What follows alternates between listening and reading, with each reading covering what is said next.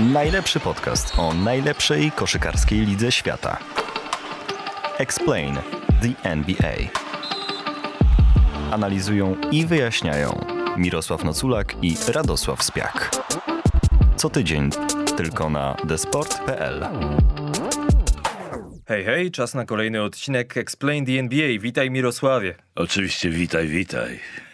No i co? Nie wierzyliśmy na początku, trochę się z tego podśmiechiwaliśmy, a ostatecznie okazało się, że James Harden jednak zagrał. Philadelphia 76ers już ma dwa swoje pierwsze mecze za sobą i od tego zaczniemy nasz subiektywny przegląd tygodnia. Te dwa mecze Jamesa Hardena w Filadelfii, wygrana w Minnesocie 31 punktami i wygrana w Madison Square Garden 16 punktami. Jak będziecie odsłuchiwali ten odcinek naszego podcastu, to Philadelphia będzie już po trzecim meczu, a pierwszym u siebie z Jamesem Hardenem w składzie też przeciwko New York Knicks. W tym pierwszym meczu przeciwko Minnesocie Harden 27 punktów, 12 asyst, 8 zbiórek przeciwko Nowemu Jorkowi triple-double, 29 punktów, 16 asyst, 10 zbiórek. No i oczywiście najważniejsze dwa stosunkowo łatwe zwycięstwa drużyny Doka Riversa. Co wyciągniesz po tym meczu, czy po tych meczach, Mirosławie? Po pierwsze, e, no to jest, e, to jest dobra para Harden-Embiid. Z tym, że w drugim meczu zauważyłem w drugiej połowie, że właściwie grali we dwójkę. Większość akcji była między nimi. E, Harden miał chyba 16 asyst w tym spotkaniu, tak już podawałeś to. 16 asyst. A, tak a, a Embiid 27 rzutów wolnych y, oddał, także to pokazuje jak, z jaką intensywnością obydwaj grali. Więc to, ale i też była taki, był taki strzał na parę razy na Doka Riversa w tej drugiej połowie, kiedy oni głównie grali między sobą, że miał taką minę, on nigdy nie ma takiej miny radosnej do, do Rivers, zawsze wygląda jakby, jak, jak płaczące dziecko małe, albo które ma za chwilę się rozpłakać i myślę sobie tak, patrząc na niego, myślę sobie, że on pomyślał sobie, że może być problem z, tym, z tymi pozostałymi, że mo, może im się to nie podobać. To jest dla niego robota, jak to, jak to ułożyć, bo, bo też było pytanie, na, na Twitterze o właśnie o, to, o, o tę sytuację, jak się znajdzie w tej Maxi. I znalazł się bardzo dobrze, bo w pierwszym meczu chyba miał 20, 20 parę punktów. Tak, pytanie od Dariusza. Wydawało się, że Maxi może być największym przegranym wymiany między Brooklyn a Filadelfią. Okazuje się jednak, że świetnie od, odnalazł się w nowej sytuacji. Czy taka sytuacja ma prawo się utrzymać, czy to tylko jego chwilowy, no tutaj taki występ, powiem. Y, y, y, Maxiego? Ma, tak. No moim zdaniem, moim zdaniem to jest jedyny właściwie tak zwany point guard, czyli rozgrywający, stricte rozgrywający w tej drużynie. Filadelfii. Reszta to Harden jest zgłaszany i zapisywany jako rzucający obrońca, zatem e, Zatem to, to, ustawienie z Maxim i z Hardenem jest bardzo naturalne, moim zdaniem. Więc, więc tutaj myślę, że, że Maxi się obroni, bo jest wszystkim świetnym obrońcą najszybciej gra z piłką. Będzie to potrzebne Filadelfii, przenoszenie szybkie piłki do, na drugą połowę, bo Harden będzie spowalniał niestety.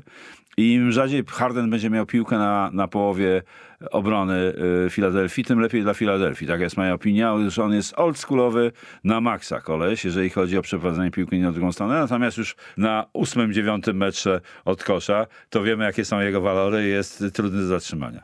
To ja zacznę od końca, właśnie od pytania Dariusza. E, pamiętajcie, że możecie zadawać pytania też mailowo. Explain the NBA małpa thesport.pl, jeśli chcecie na przykład, żebyśmy zajęli się jakimś konkretnym tematem. E, Tyrese Maxi teraz ma mniej piłki w rękach, ale w ataku, zwłaszcza w tym pierwszym meczu, bo ja zwracałem uwagę głównie na debiut Hardena w tym meczu przeciwko Minnesocie, on dobrze korzystał z podań Hardena, dobrze się ustawiał, potem jak obrona D'Angelo Russell na przykład próbował ro robić closeout, no to był minimalnie spóźniony i bardzo szybki pierwszy krok ma Tyrese Maxi, to trzeba jeszcze zaznaczyć.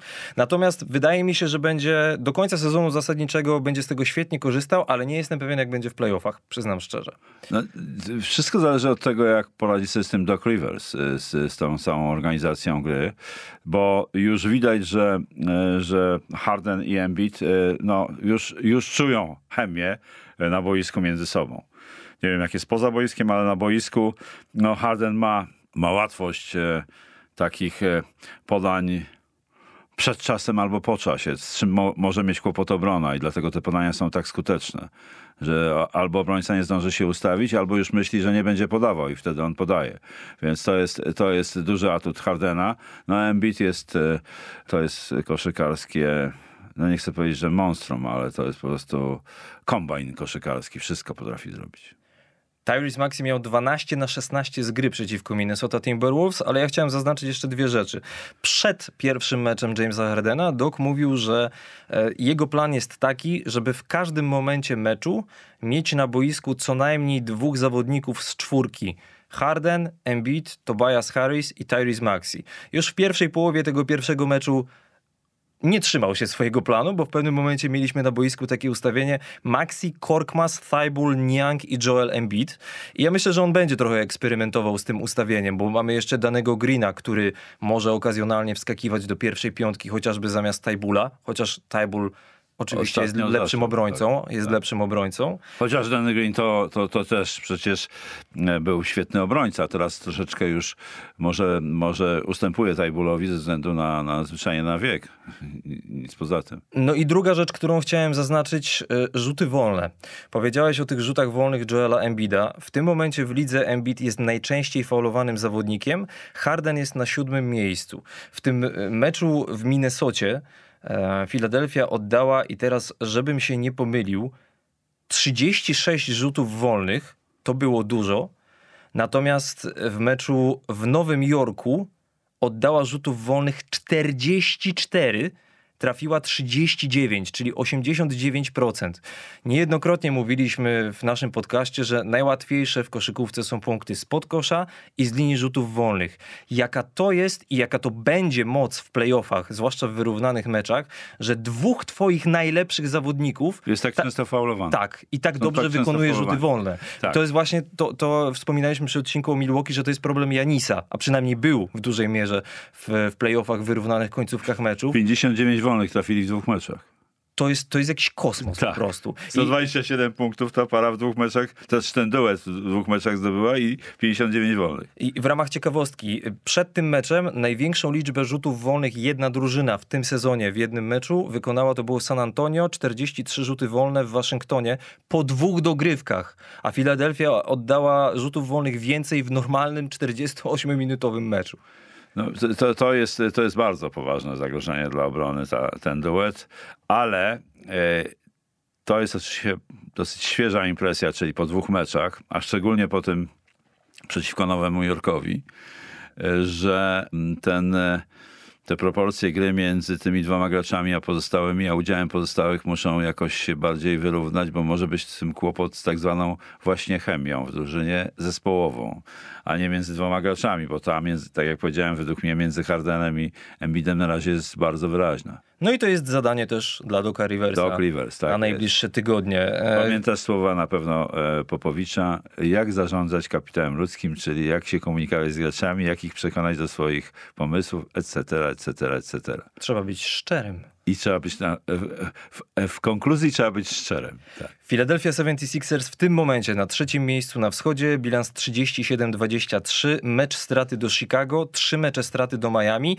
i teraz będą bardzo ciekawe testy dla ekipy Doka Riversa, bo jak mówiłem, będziecie znali już wynik meczu z Nowym Jorkiem w Filadelfii, a potem mecz z Cleveland, w Miami, z Chicago i 10 marca przyjeżdżają Brooklyn Nets. Czyli I cała, oby, oby cała... przyjechali z Benem Simonsem. No właśnie. E, no tak, 10 marca było zapowiadane, e, była zapowiedź, że, że Ben Simons zagra.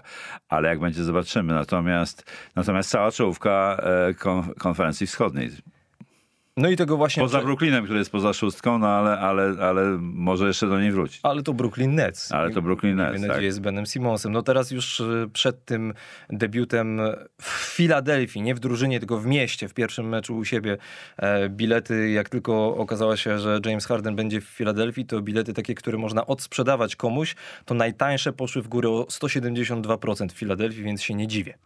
Będziemy sprawdzali, co się będzie działo w ekipie Sixers. E, trochę jej posłodziliśmy, to teraz czas kogoś ochrzanić. I ten ochrzan spada tym razem na Charlotte Hornets.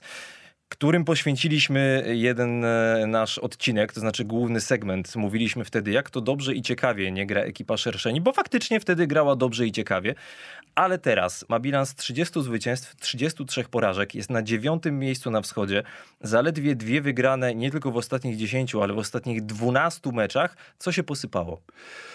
Nie wiem, bo to jest sytuacja dla mnie, dla mnie zagadkowa, że nagle ja tak, przy- tak przestali grać. To, to, to powiedz, co ty wiesz, natomiast y, nie wiem, czy uratuje ich y, 10-dniowy kontrakt z Isaiah Thomasem. Już słyszałem żarty, że to jest ten jedyny Isaiah Thomas, z którym Michael Jordan porozmawia. A oczywiście aluzja do byłego Oczywiście. zawodnika Detroit Pistons, którego zabrakło w e, Dream Teamie w Barcelonie. Raz, że kontuzja Gordona Haywarda, No tak, to jest kluczowy zawodnik. lewy staw skokowy i on nie będzie grał, no nie wiadomo jak długo, w najgorszym wypadku do końca sezonu. On doznał kontuzji 9 lutego e, i od tej pory Charlotte mają bilans e, 1-5 i teraz uwaga. Chciałem zwrócić uwagę na to, jak wygląda ta drużyna w wyrównanych meczach. W meczach, które kończą się różnicą maksymalnie 3 punktów, 5 wygranych i 8 przegranych. Tylko jedna jedyna drużyna w całej lidze, konkretnie Indiana Pacers, ma więcej przegranych meczów tak niewielką różnicą. Swoją drogą 11 aż w Indianie, więc można się załamać. Co czwarty przegrany mecz to jest różnicą jednego kosza. No dobra, ale zostawmy Indianę. Charlotte bilans 5-8 i widać, że to jest drużyna młoda i brakuje jej takiego, no Amerykanie mówią go to guy, czyli człowieka, do którego można podać piłkę, jak jest wyrównana końcówka i trzeba coś zrobić, żeby on wyprowadził ciebie z tarapatów.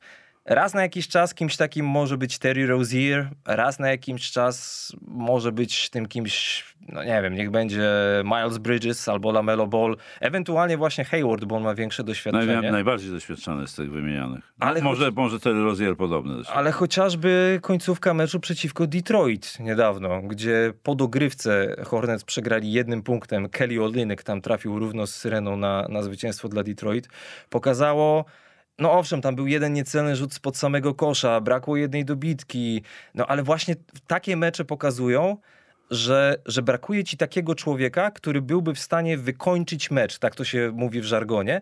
I jeszcze jedną rzecz mam do dodania, dogrywki. Charlotte Hornets zagrali 7 meczów z dogrywkami w tym sezonie, ani razu nie wygrali. No tak, czyli, czyli to potwierdza twoją opinię i, i tak chyba jest, że, że go to guy, czyli doświadczony gracz, który potrafi wziąć sprawy w swoje ręce w końcówce, takiego gracza w tej chwili nie ma w Charlotte. E, Podobnie e, tu jest pewna analogia, zachowując oczywiście wszelkie proporcje do, do reprezentacji Polski, bo tutaj w tej drużynie też nie ma takiego zawodnika, który potrafiłby właśnie w końcówce zdecydować o losach meczu, a przegraliśmy trzy mecze w końcówkach. Wszystkie trzy przegraliśmy w końcówkach. Zatem I o tym porozmawiamy jeszcze dzisiaj. na porozmawiamy, ale, ale, ale to jest właśnie taki, mm, taki, y, no można powiedzieć, papierek lakmusowy dla drużyn, które nie mają. Końcówka to jest papierek lakmusowy dla drużyn, które nie mają doświadczonego gracza, który może wziąć właśnie w swoje ręce e, sprawy, gdy jest e, gorąco. Dlaczego mówię o tych dogrywkach? Dlatego również, że dla porównania chociażby. Beznadziejni Los Angeles Lakers, jak grają dogrywki, a grali ich też 7, tak jak Charlotte Hornets, wygrali 6. Cześć, tak, tak. No, Bo tam są doświadczeni zawodnicy. Oni przegrywają mecze, oczywiście dużo ich przegrywa, dużo przegrywają tych meczów, ale niekoniecznie w taki sposób właśnie. I, i jeśli chodzi o Charlotte, to mm, jeszcze chciałem dodać jedną, myślę, istotną rzecz. Otóż to jest najlepszy atak ligi w tym momencie. Zdobywają 114 punktów ponad średnio. Ale duże znaczenie ma też tempo gry. Ogólnie, nie tylko w przypadku tej drużyny. Tempo gry mają drugie w całej lidze i jak się porówna wskaźnik konkretnej liczby zdobytych punktów, a efektywności ataku, czyli liczby punktów zdobywanych na 100 posiadań, to jest dramatyczny wręcz spadek, bo najlepszy atak w kontekście największej liczby zdobywanych punktów, a jeśli chodzi o efektywność na 100 posiadań, to jest dopiero 12 drużyna w lidze. Więc minus 11 pod kątem niby tego samego. Wniosek z tego byłby taki, że to tempo, które narzucają, jest taką, takim obosiecznym obosieczną mieczem. bronią, tak. Że oni sami siebie tym potrafią w cudzysłowie zgładzić. Wpę- Wpędzić kłopoty. No jeszcze, jeszcze słowo Lakers, bo dzisiaj w, w nocy oglądałem mecz z Dallas. To końcówkę niestety przerżnęli, mówiąc krótko, i przegrali mecz. Dużo tam się niedobrego dzieje w tej, w tej, tej drużynie Lakers.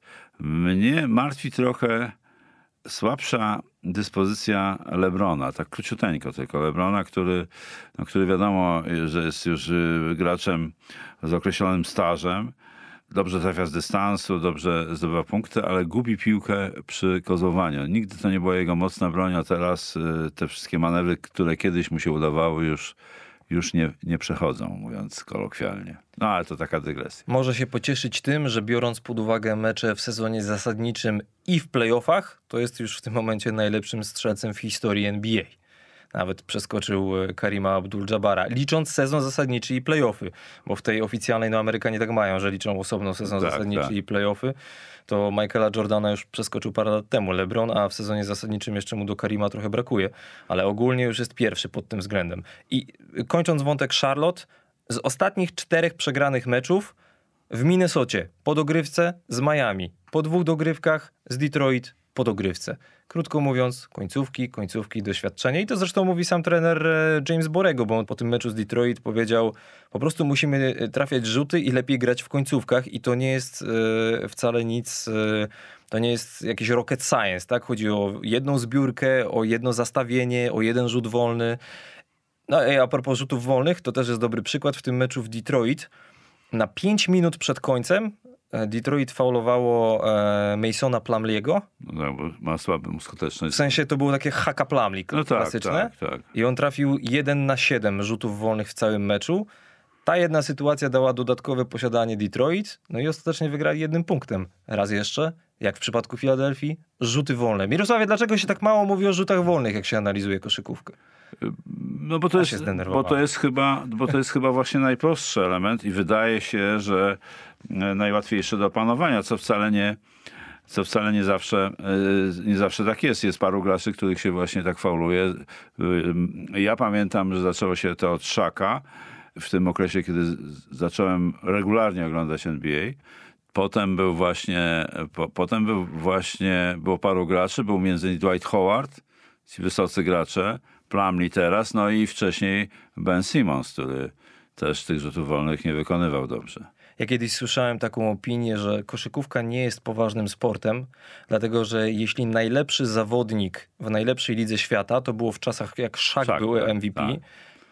wykonuje chociażby jeden element gry, w tym przypadku rzuty wolne, słabiej niż dziesiątki tysięcy jedenastolatek w Stanach Zjednoczonych, to to nie może być poważna gra. Przyznam szczerze, że nie wiedziałem, co, nie, nie wiem, co można odpowiedzieć na taki E, argument. Można wyłącznie wzruszyć ramionami, bo to jest żaden argument. I to też robimy i przechodzimy do ostatniego tematu z naszego przeglądu tygodnia. E, To jest temat bliski sercu Mirosława, nawet bardzo bliski bym powiedział. Jamorant, 27 punktów i 60.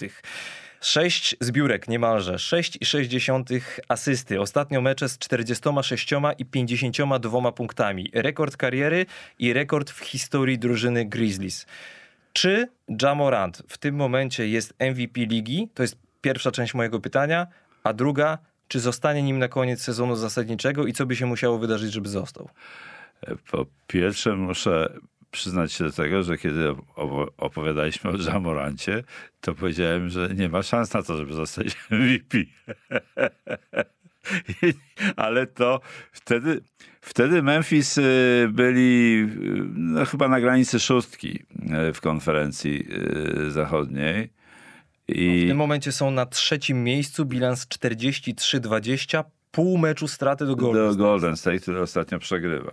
Zatem, zatem Jamorant e, stał się moim zdaniem kandydatem do MVP na pewno, bo w tej chwili mówi się o Embidzie, o kolejny raz o Jokiczu i, i wymienia się jeszcze innych. Mówi się o Demar DeRozan, Demarze DeRozan? Demarze DeRozanie chyba. DeRozanie, no. tak. No więc to e, jest sporo kandydatów. Tam ktoś wymienia też Chrisa Pola.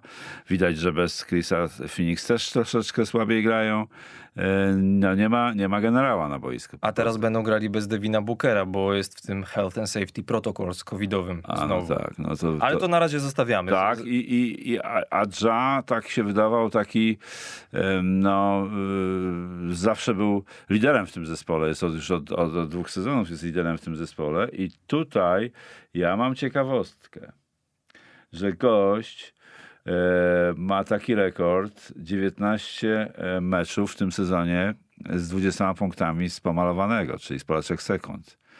I to jest, to jest widoczne, jak się go ogląda, że on dużo punktów zdobywa z pola 3 sekund, ale w ostatnich e, pięciu, e, no, jakiś tam czasie zdobywali w ten sposób Szak, Stodomajer, Zion, Janis i Antony Davis. On jest szóstym. I jest graczem obwodowym. Jest graczem obwodowym, a większość z nich to są podkoszowi jednak. Wszyscy w zasadzie. Bo, bo to są czwórkopiątki, tak? Wymienieni przeze mnie tak niezgrabnie, ale myślę, że wybaczysz mi to. Ależ nie ma problemu. Moja perspektywa jest taka, bo w ogóle temat MVP jest ciekawy, no bo zawsze można się zastanawiać, co tak naprawdę powinno się składać na tę nagrodę MVP, to znaczy za co ona jest przyznawana, bo mówi się, że to jest najlepszy zawodnik w lidze w danym sezonie, ale wprost tłumaczenie czy rozszerzenie tego MVP to jest Most Valuable Player, czyli najbardziej wartościowy. Wartościowy, tak. Oczywiście pytanie, czy wartościowy dla swojej konkretnej drużyny, czy wartościowy w kontekście ewentualnie całej ligi? No oceniamy zawodników w drużynach, w, które są, w których są. I jak zmierzyć tę wartość? No moim zdaniem istotna jest proporcja oczekiwań do wyniku danej drużyny. Bo nie można otrzymać nagrody MVP, jak ty grasz fantastycznie, a twoja drużyna gra słabo. No bo I nie wchodzi na przykład do playoff. na przykład. Więc moim zdaniem, jeśli e, Memphis będą w czołowej trójce zachodu, Po, po sezonie po zasadniczym. sezonie No zasadniczym. bo to mówimy o MVP sezonu sezonu zasadniczego. zasadniczego, tak. Mhm. A na pewno jeśli, jeśli wyprzedzą Golden State, to MVP dostanie Jamorant. I tak bym to widział. A, Ale, jestem jeśli, za. ale jeśli Philadelphia będzie w pierwszej dwójce, To Embiid. a zwłaszcza pierwsze miejsce, to Embiid. Na ten moment sezonu jeszcze bym obstawiał przy Embidzie, ale biorąc pod uwagę to, co gra Jamorant, no bo myślę też, że po przyjściu Jamesa Hardena trochę te proporcje w Filadelfii, no teraz te dwa pierwsze mecze to na razie była mała próbka, trochę te proporcje w Filadelfii do końca sezonu się, się podzielą powiedzmy na Embida i Hardena, więc absolutnie bym nie wykluczał Jamoranta jako MVP. Jeszcze tylko powiem, że Nikola Jokic ma 25,5 punktu, niecałe 14 zbiórek, 8 asyst i najwięcej triple-double w całej lidze. No ale wynik drużyny, mimo tego, że za chwilę będziemy rozmawiali o Denver trochę szerzej, no w tym momencie Denver na szóstym miejscu i mają 6 meczów straty do Memphis. Więc na ten moment to jest mimo wszystko różnica. I dodałbym jeszcze jedną rzecz na koniec tego mojego wywodu. Amerykanie też czasami formułują takie, taki zwrot wow factor, czyli to, Jakie wy- robi jakie wrażenie. wrażenie robi dany gracz. Ja przyznam, że jak oglądam czasami Jamoranta w tym sezonie, to mam tak jak w niektórych kreskówkach. Po prostu szczęka na podłodze i język tak się roluje przez 3 metry, to co wyrabia ten chłopak.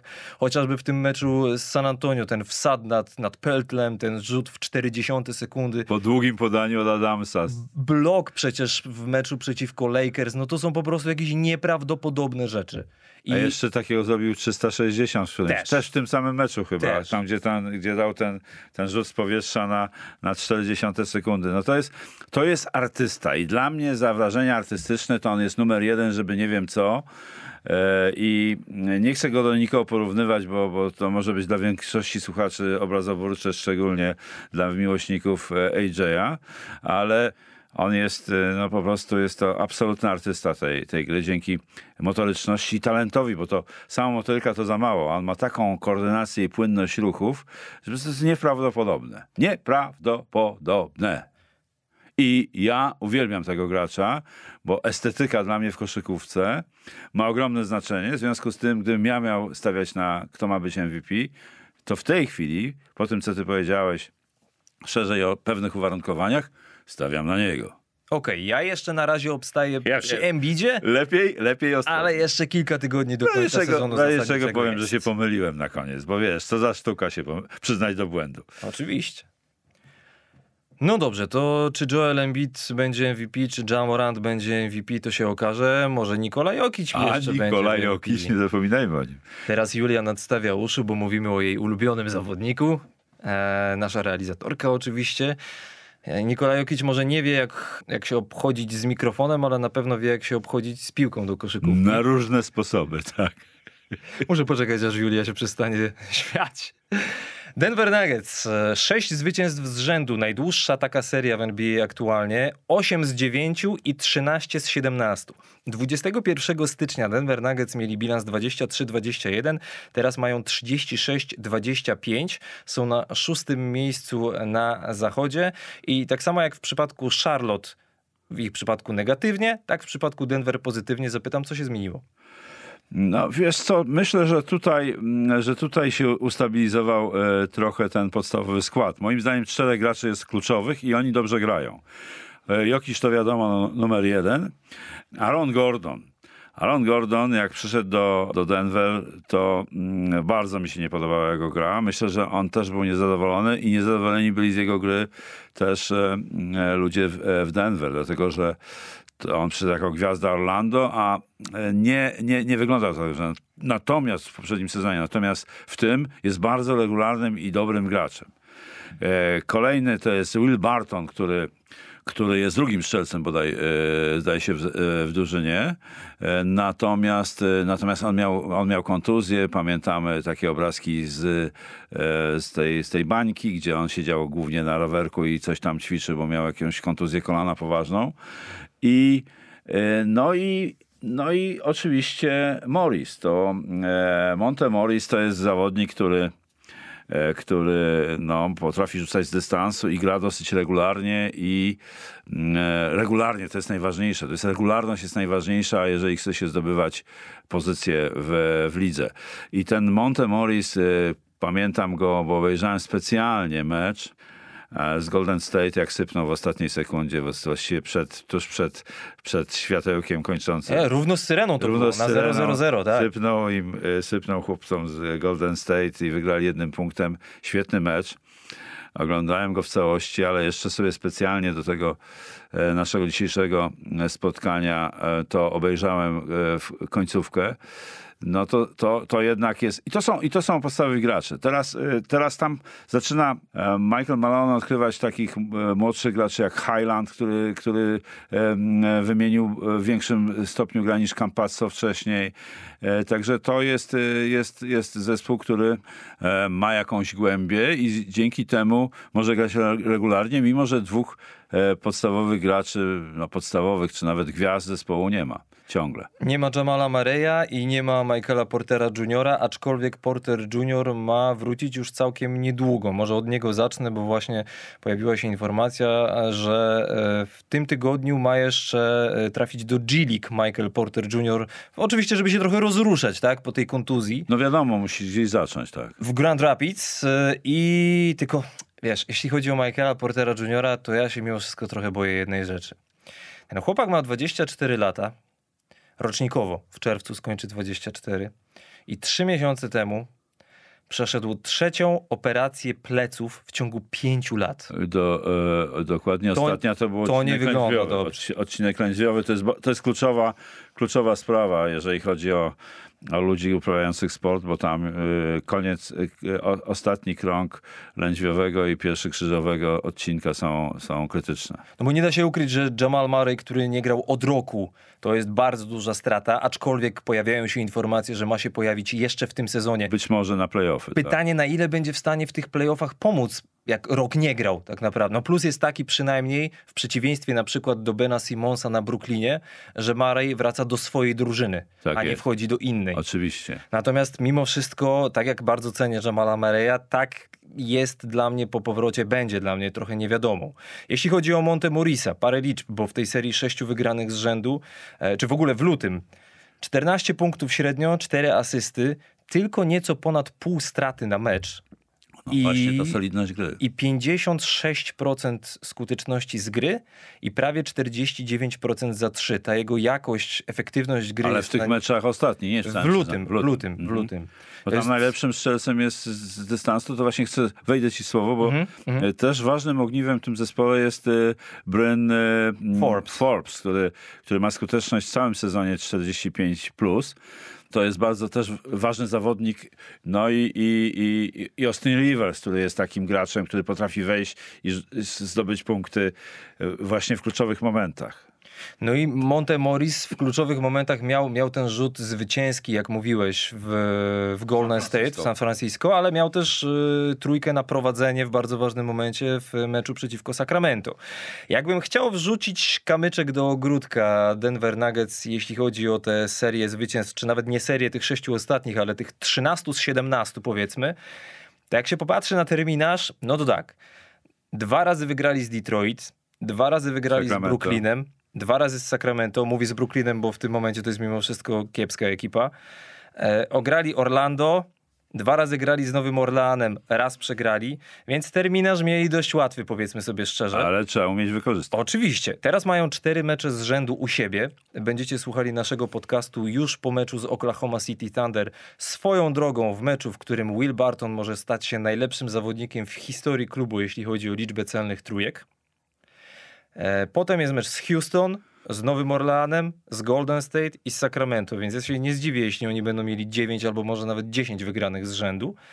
E, no, mogą powiększyć tę ten, ten zdobycz. Natomiast, no mówię, ten, ten terminarz był powiedzmy, że w miarę łatwy, ale tak jak mówisz, należy go wykorzystać. To, co jest dla mnie ciekawe w tej drużynie i to, co zwróciło moją uwagę przy okazji tej serii zwycięstw, to jest ławka rezerwowych, która naprawdę no mówi się step up your game, czyli tak podniosła swoją grę na wyższy poziom.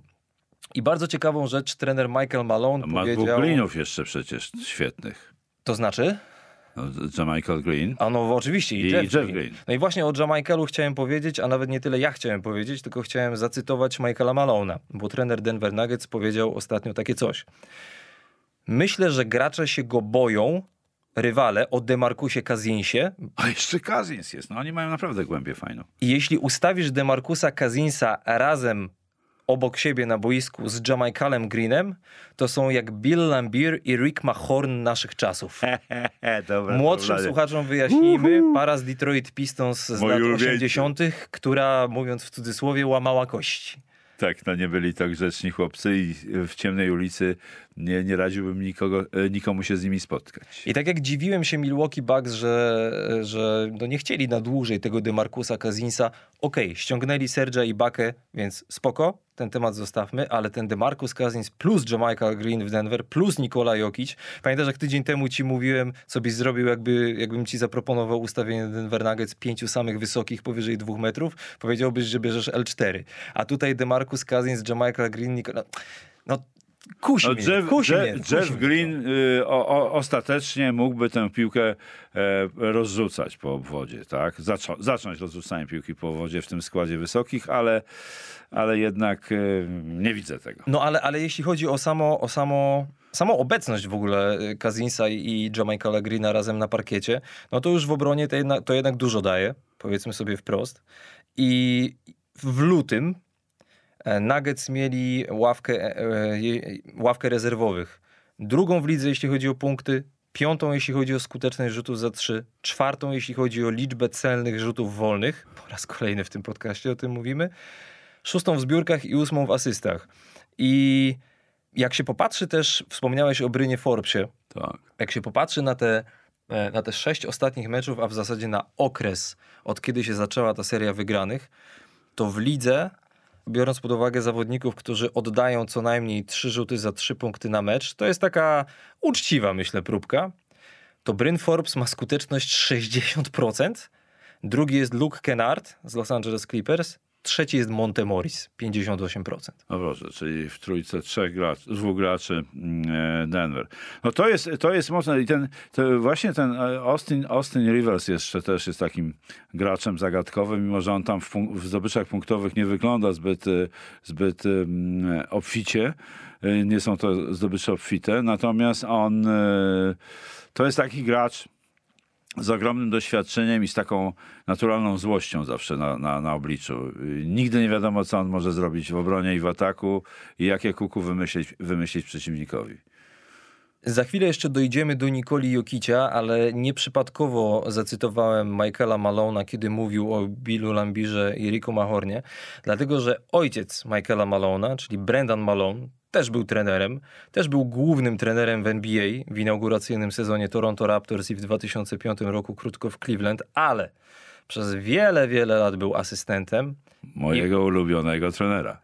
I w 1988 roku trafił do Detroit, Tak. gdzie grali Bill Lambier, Rick Mahorn i gdzie właśnie Brendan Malone, ojciec Michaela, był specjalistą od obrony. Tak. I Detroit Pistons zdobyli wtedy dwa mistrzostwa. 89, 90, Chuck Daly, Chuck Daly, mój ulubiony trener.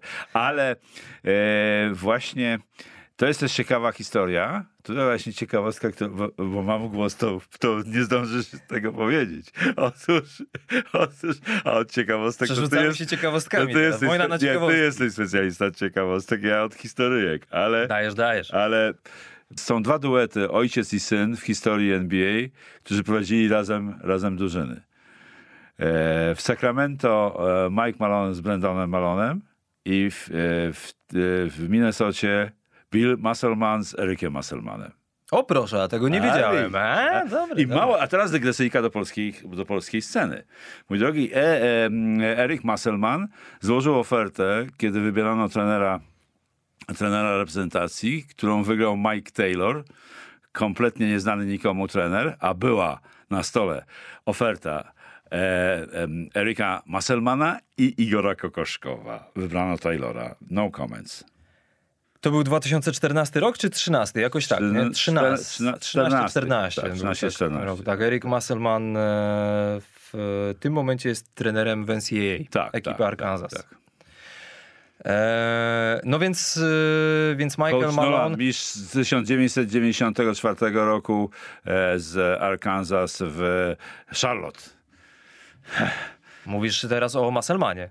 E, Nie, coach Nolan. To A, a, e, okej. w 94 był mistrzem NCAA, a teraz Musselman jest e, w tej samej szkole chyba. Ja przyznam, że nie byłem na początku przekonany do Michaela Malona. Cały czas mam takie wątpliwości, że to jest aby odpowiedni człowiek, żeby poprowadzić Denver Nuggets do mistrzostwa NBA i mówię to celowo, dlatego że on sam twierdzi, że Denver Nuggets mogą zdobyć mistrzostwo NBA.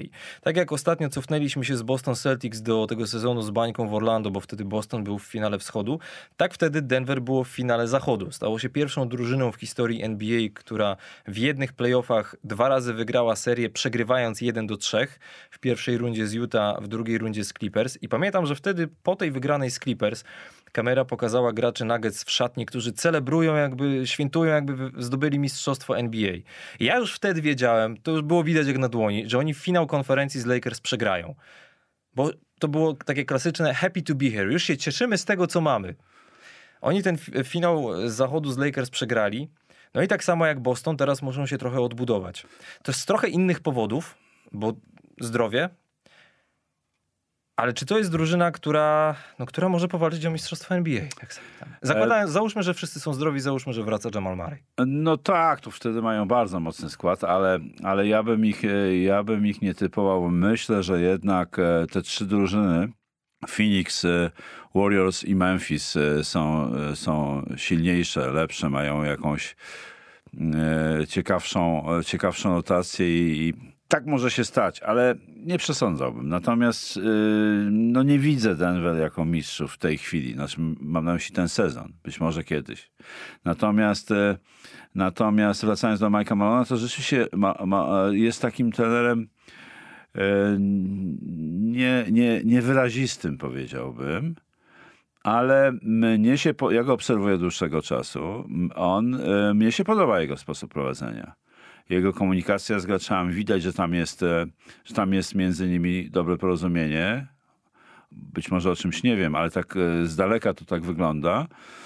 Także jest to, jest to trener, e, który e, wykonuje dobrą robotę, tak bym to określił. Czy jest kandydatem na, na, na trenera drużyny mistrzowskiej? Był raz bodaj e, z wyróżnień to chyba był raz e, trenerem Zachodu w 2019. W meczu gwiazd, tak w jest.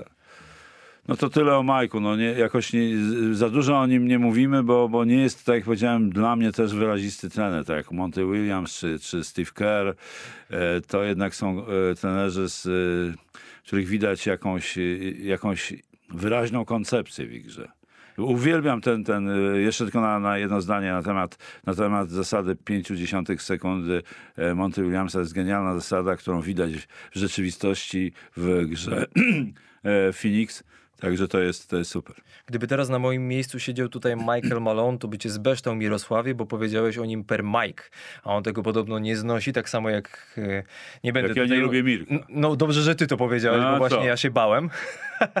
on zbeształ nawet jedną z reporterek ESPN. A, kiedy... mówiłeś mi o tym, zapomniałem. Pamiętasz? Tak, Cassidy Hubbard, tak, tak. Powiedziała do niego tam Mike, a on mówi, nie, nie, ja jestem Michael.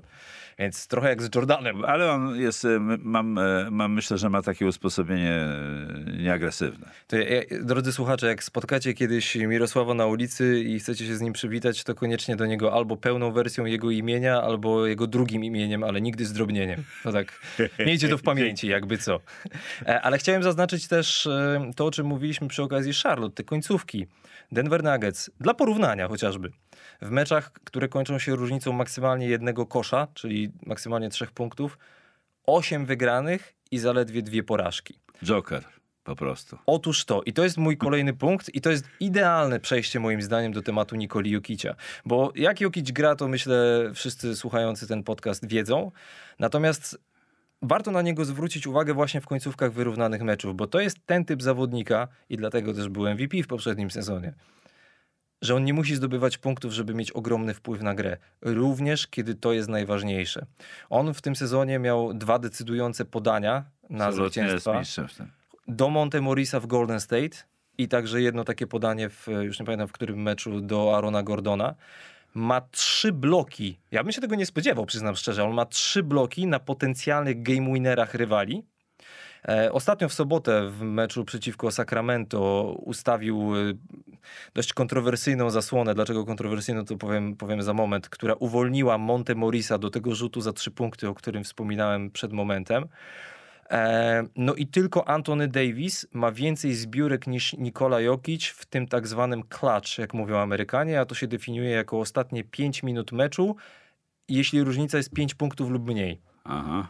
A ta zasłona była dość kontrowersyjna, bo potem NBA przyznało, są tak, tak zwane e, last two minutes report, że jeśli w dowolnym momencie ostatnich dwóch minut meczu, dowolnym momencie jest różnica trzech punktów lub mniej, to e, robi się taki, t- taki raport właśnie z decyzji sędziowskich i sprawdza się, które były słuszne i które ewentualnie niesłuszne i NBA przyznało, że ta zasłona to powinien być faul Jokicia i to by był jego szósty faul.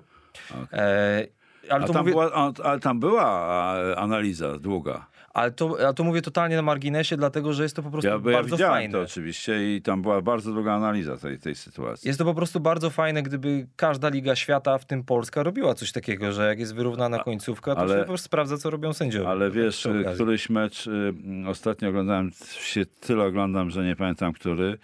Ostatnie 23 sekundy trwały ponad y, około 10 minut, bo właśnie były kontrowersje, były te, te mm, Boston z Denver?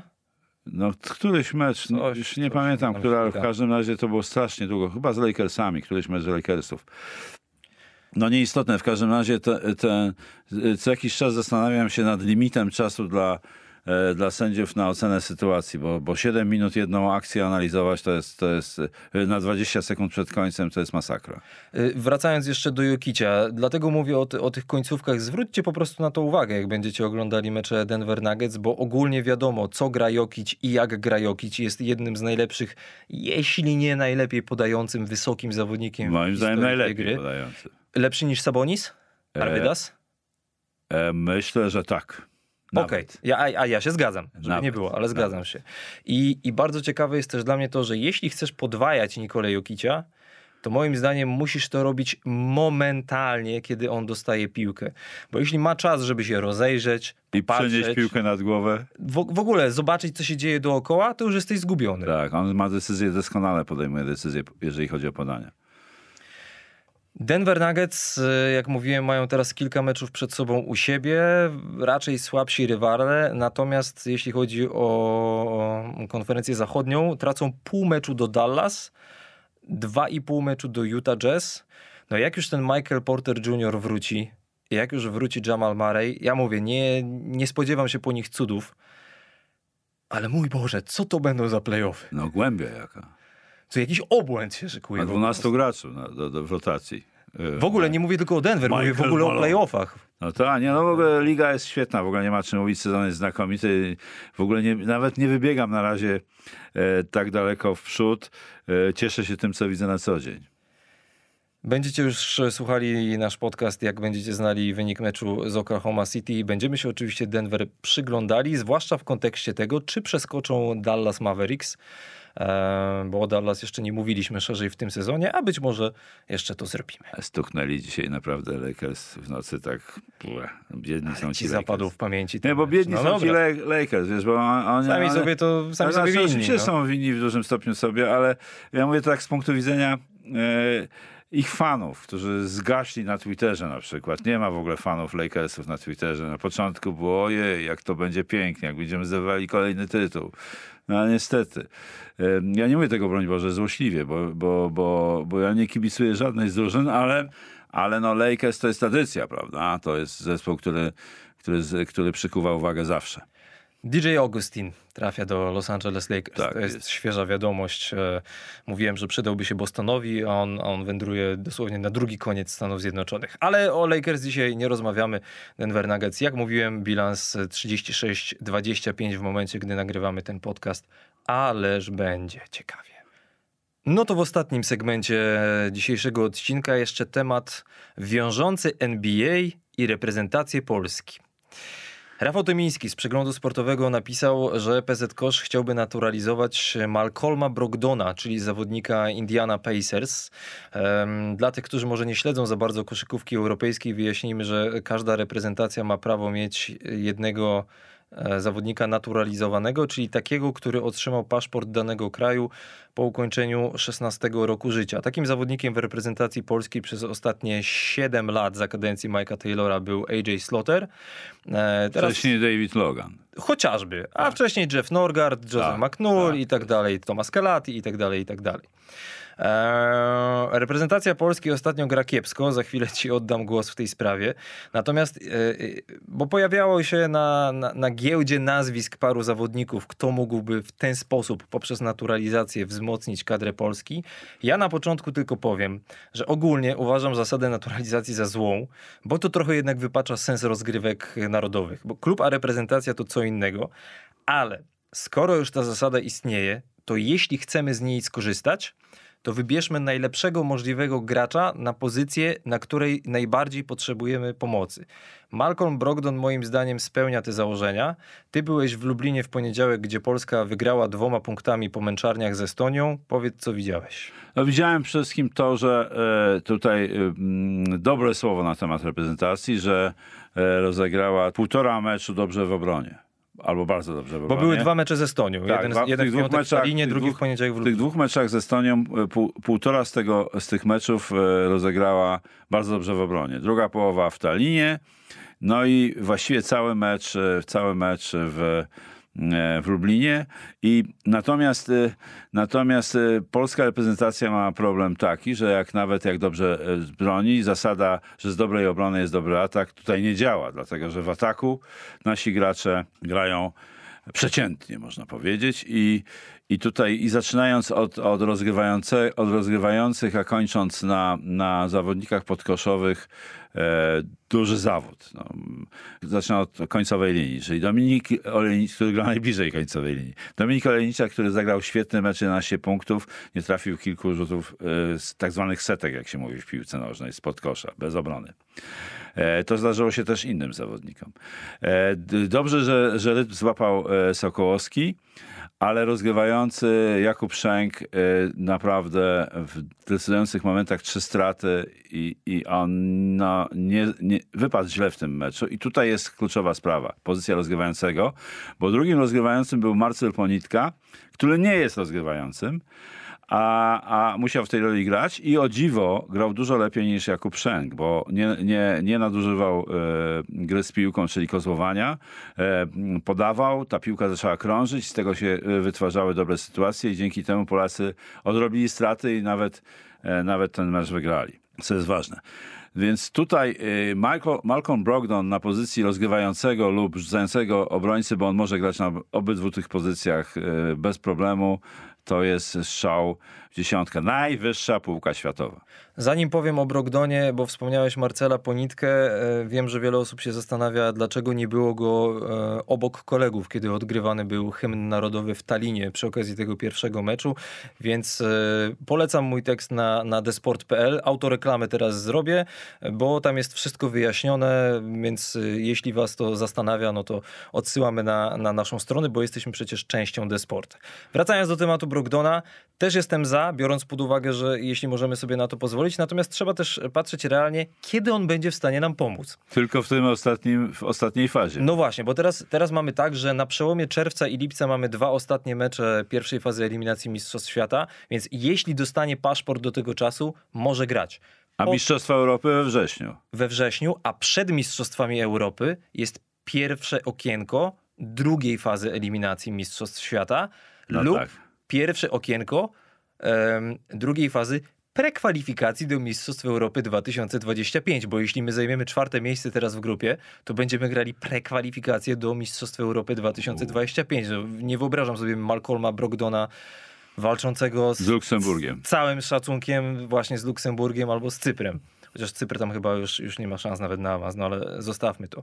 Malcolm Brogdon oczywiście, ja bardzo lubię tego gracza. Naprawdę bardzo lubię tego gracza. Jest stonowany, wyważony w swojej grze, inteligentny, spokojny, widzi parkiet, dość dobrze rzuca. Miał trochę problemów ze zdrowiem w ostatnich latach, ale on ma też 29 lat, więc zakładam, że to nie byłby e, strzał na właśnie na, na pół roku, tylko jednak na te kilka lat. Jest wysoki, jak na rozgrywającego, 196 cm wzrostu i dobrze kreuje w grze dwójkowej. On jest w ogóle, sprawdziłem to, on jest jednym z najlepszych zawodników e, w całej lidze w tym sezonie. E, jeśli chodzi o e, średnią punktów zdobywanych po akcjach typu pick and roll. A kogoś takiego właśnie potrzebujemy, bo więcej punktów w tym sezonie NBA po pick and rollach, jeśli chodzi o średnią na akcję, zdobywają tylko Donovan Mitchell, No, jeszcze numer jeden jest. Tobias Harris, Tak. numer dwa i Anthony Simmons. z Portland, numer 3. I czwarty, czwarty jest Brogdon właśnie, Tak. właśnie w tym. Więc to jest kompletnie zupełnie inny poziom. Natomiast też e, historia trochę działa przeciwko nam w tym sensie, że nie było do tej pory takiego przypadku, żeby gracz aktywnie grający w NBA wspierał reprezentację w Europie. No nie było po prostu takiego przypadku, bo, bo okej, on może zagrać na tym Eurobaskecie we wrześniu, dojdziemy do ćwierćfinału przykładowo, będzie fajnie, spoko, wszyscy się będą cieszyli, a potem przyjdą następne okienka i on już nie zagra. No nie zagra, Listopad będzie, i luty. Bo będzie w NBA. Do tego jest ciekawy kazus, bo on już grał w reprezentacji Stanów Zjednoczonych na Igrzyskach Panamerykańskich 2015. Ale, dla Ale? Polski będzie mógł zagrać. Nie, mów ty, bo ty, bo ty masz o tym Randolfie powiedzieć. Znaczy, chodzi, chodzi o to, że sprawdzaliśmy to z Mirosławem, bo nas to zaciekawiło. Jak zawodnik, który reprezentował już jeden kraj w koszykówce seniorskiej, może reprezentować inny kraj w koszykówce seniorskiej, bo tu nie ma takiej zasady jak w siatkówce, że sobie Wilfredo Leon trochę odczeka i potem z Kuby może się przerzucić na Polskę. No ale Igrzyska Panamerykańskie nie pod egidą FIBA i tam już był taki jeden przypadek w tamtym składzie, właśnie z tamtej drużyny. Antony Randolph, były Tak gracz jest. NBA, swoją Tak, drogą, wielu- wysoki numer w drafcie. Wielu, wielu zespołów. Minnesota Golden State. Golden on, State, on, tak. on grał w tamtej drużynie, a potem zdobył Mistrzostwo Europy ze Słowenią dwa lata później, w 2017 Tak roku, czyli jest to możliwe. Z Doncicem i z, z Dragiciem. Tak jest. Więc, e, no co tu dużo mówi. No, wiele osób mówi Malcolm Brogdon wow. Ja też mówię wow, tylko trzeba patrzeć realnie, kiedy on faktycznie będzie w stanie nam pomóc. No bo pamiętajmy, że zawodnik naturalizowany może być tylko jeden.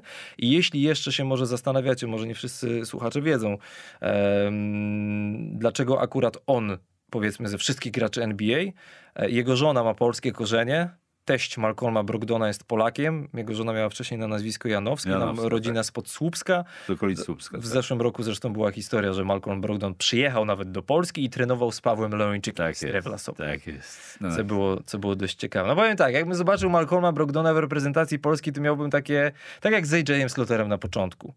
Myślałbym, że no, no że, no, no wiesz, wiesz o co mi chodzi. no mów o co ci chodzi. No bo- chodzi mi o to, że, że, że, że, Dlaczego że to nie Polak? O, tak, dlaczego to nie Polak, tak, że to nie jest Polak. No, ale wiesz co? e, Ale no, no ale nie, nie, nie porównywanie Slotera z Bogdanem e, w kategorii e, gracza sportowej to zostawmy lepiej, bo Sloter dużo zrobił reprezentacji Polski, ale Brogdon to jest zupełnie inna półka. To jest ciekawe, bo on został wybrany z 36 numerem draftu. Ja pamiętam doskonale, jak on zaczynał w Milwaukee. 2016. W 2016 roku. Myślę sobie, Rany boskie, jak ten gość się dostał do NBA, bez motoryki, bez niczego. A w tym samym sezonie został uznany za najlepszego gracza rezerwowego. Nie, za, Na za de- debiutanta, debi- debiutanta, debiutant, przepraszam. tak. Debiutanta. Zrobił ogromny postęp, a potem to już się rozwinął niesamowicie. I Malcolm e, Brogdon, tutaj ciekawostka, należy do elity ośmiu graczy w klubie 50, 40, 90. Czyli 50% z gry w całym sezonie, 40% za 3 i 90% z rzutów wolnych. Ośmiu jest takich. Oczywiście jest Larry Bird, Bird wśród nich, jest e, Steve Nash i ta, paru jeszcze innych, ale on jest w tej ósemce. To był sezon 2018-19. Tam jest chyba też, e, jest też tak. Kevin Durant z tych, e, z tych obecnie Aktywnych, grających, tak, tak. aktywnych.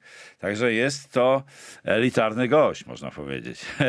No to podsumowując, bo musimy kończyć. Zdecydowanie by się nam taki ktoś przydał, bo pick and roll, rozgrywanie, kończenie akcji i żeby zakończyć ten odcinek wątkiem, który się ciągnął przez ostatnie 50 kilka minut, rewelacyjnie rzuca rzuty wolne i to by się przydało w końcu. A jak podaje, też jest niezły w tym.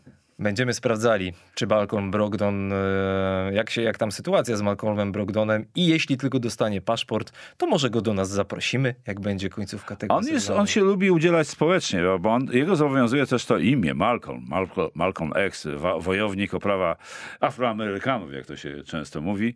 I, I on nawet występował po tej sytuacji w Minneapolis. Pamiętamy taką sytuację w Minneapolis. em, e, Morderstwo George'a Floyda. Tak. Tak, on występował na jakichś wiecach, przemawiał, ale spokojnie. Nie, y, bo zawodnicy NBA też, też w tym brali udział. Kończymy Explain the NBA numer 17 i słyszymy się za tydzień. Dzięki, cześć. Czołem.